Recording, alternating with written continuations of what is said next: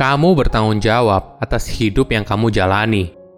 Halo semuanya, nama saya Michael. Selamat datang di channel saya, Sikutu Buku. Kali ini saya akan bahas buku What I Know For Sure karya Oprah Winfrey. Sebelum kita mulai, buat kalian yang mau support channel ini agar terus berkarya, caranya gampang banget. Kalian cukup klik subscribe dan nyalakan loncengnya. Dukungan kalian membantu banget supaya kita bisa rutin posting dan bersama-sama belajar di channel ini. Buku ini membahas soal kumpulan pelajaran hidup dari perjalanan Oprah Winfrey.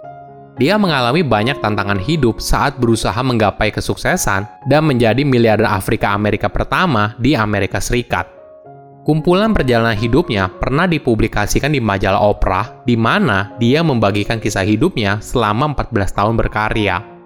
Di bukunya, Oprah mendorong para pembaca untuk berani mengejar hidup yang mereka inginkan, berlatih bersyukur, dan menggunakan pengalaman buruk untuk menjadi lebih kuat di masa depan. Saya merangkumnya menjadi tiga hal penting dari buku ini. Pertama, pengalaman menjadi kekuatan. Hidup yang dijalani oleh Oprah tidak mudah. Semua dimulai pada tahun 1953 di Mississippi saat ibu Oprah yang bernama Vernita Lee hamil. Kondisinya adalah Vernita hamil di luar nikah dan malu terkait kejadian tersebut hingga dia menutupi kehamilannya selama mungkin hingga Oprah dilahirkan.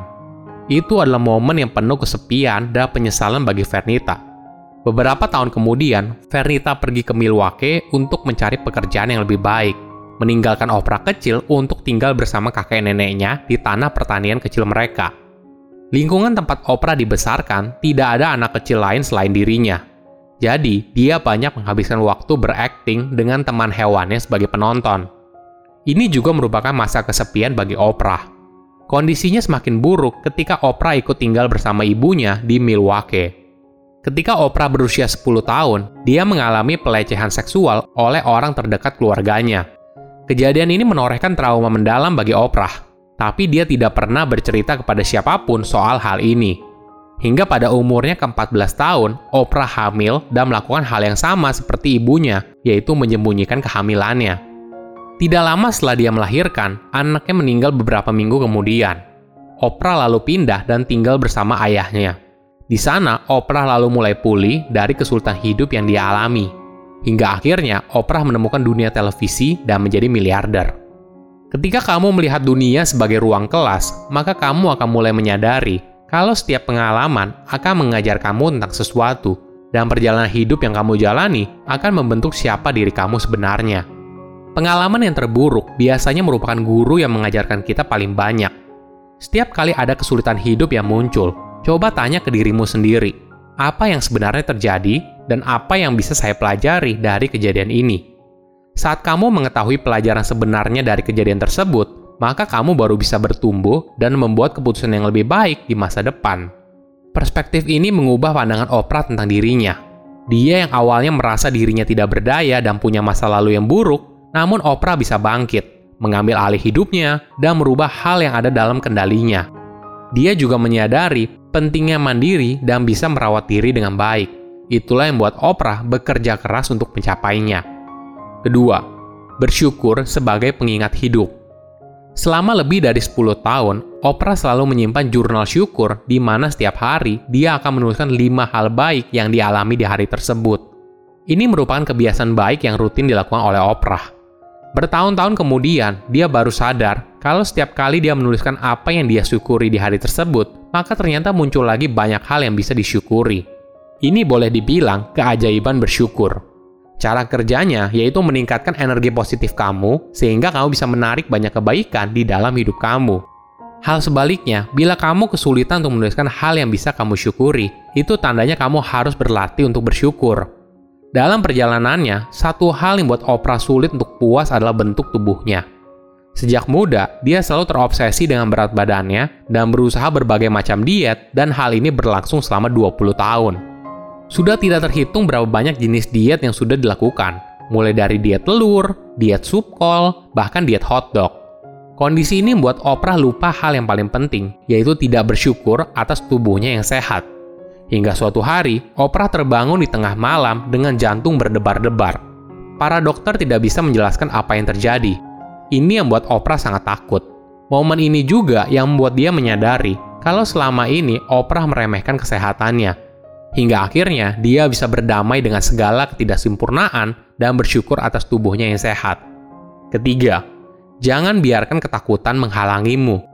Menjadi miliarder Afrika Amerika pertama di Amerika Serikat dan meraih banyak pencapaian dalam hidup tidak membuat Oprah merasa kalau dia sudah menjalani hidup dengan potensi maksimal.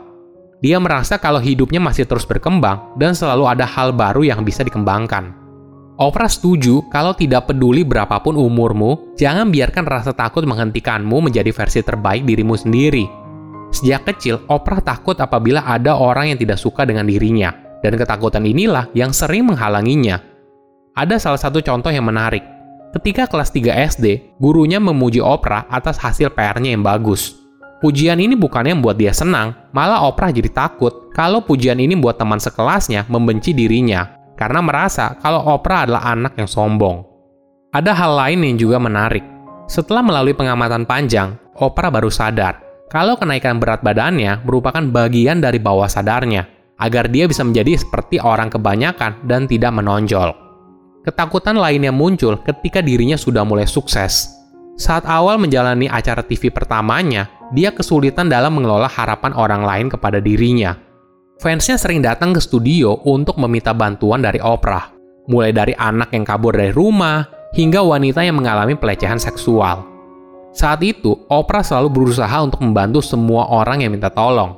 Namun lama-kelamaan, hal ini malah membuatnya lelah, hingga dia menyadari akar semua permasalahan ini adalah karena Oprah takut orang lain tidak suka pada dirinya lagi apabila dia bilang tidak.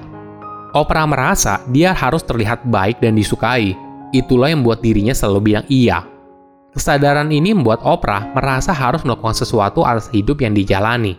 Satu hal yang mencerahkan dirinya adalah akhirnya dia sadar kalau orang baik tidak selalu bilang iya, dan bilang tidak bukan berarti orang tersebut adalah orang yang jahat. Hidup dengan penuh rasa takut atas penilaian orang lain juga membuat Oprah tidak bisa hidup dengan potensi maksimalnya. Hingga akhirnya, dia pun sadar kalau dia tidak perlu harus mengikuti harapan dari orang lain dan fokus pada hal yang dia inginkan dalam hidup. Perspektif ini juga membuatnya berhenti untuk berusaha membuktikan dirinya di depan orang lain. Apa pun yang terjadi dalam hidupmu, kamu adalah orang yang paling bertanggung jawab. Tidak ada gunanya menyalahkan dunia atas kejadian apa pun yang menimpa hidupmu. Silahkan komen di kolom komentar pelajaran apa yang kalian dapat ketika baca buku ini. Selain itu, komen juga Mau buku apa lagi yang saya review di video berikutnya? Saya undur diri, jangan lupa subscribe channel YouTube Sikutu Buku. Bye-bye.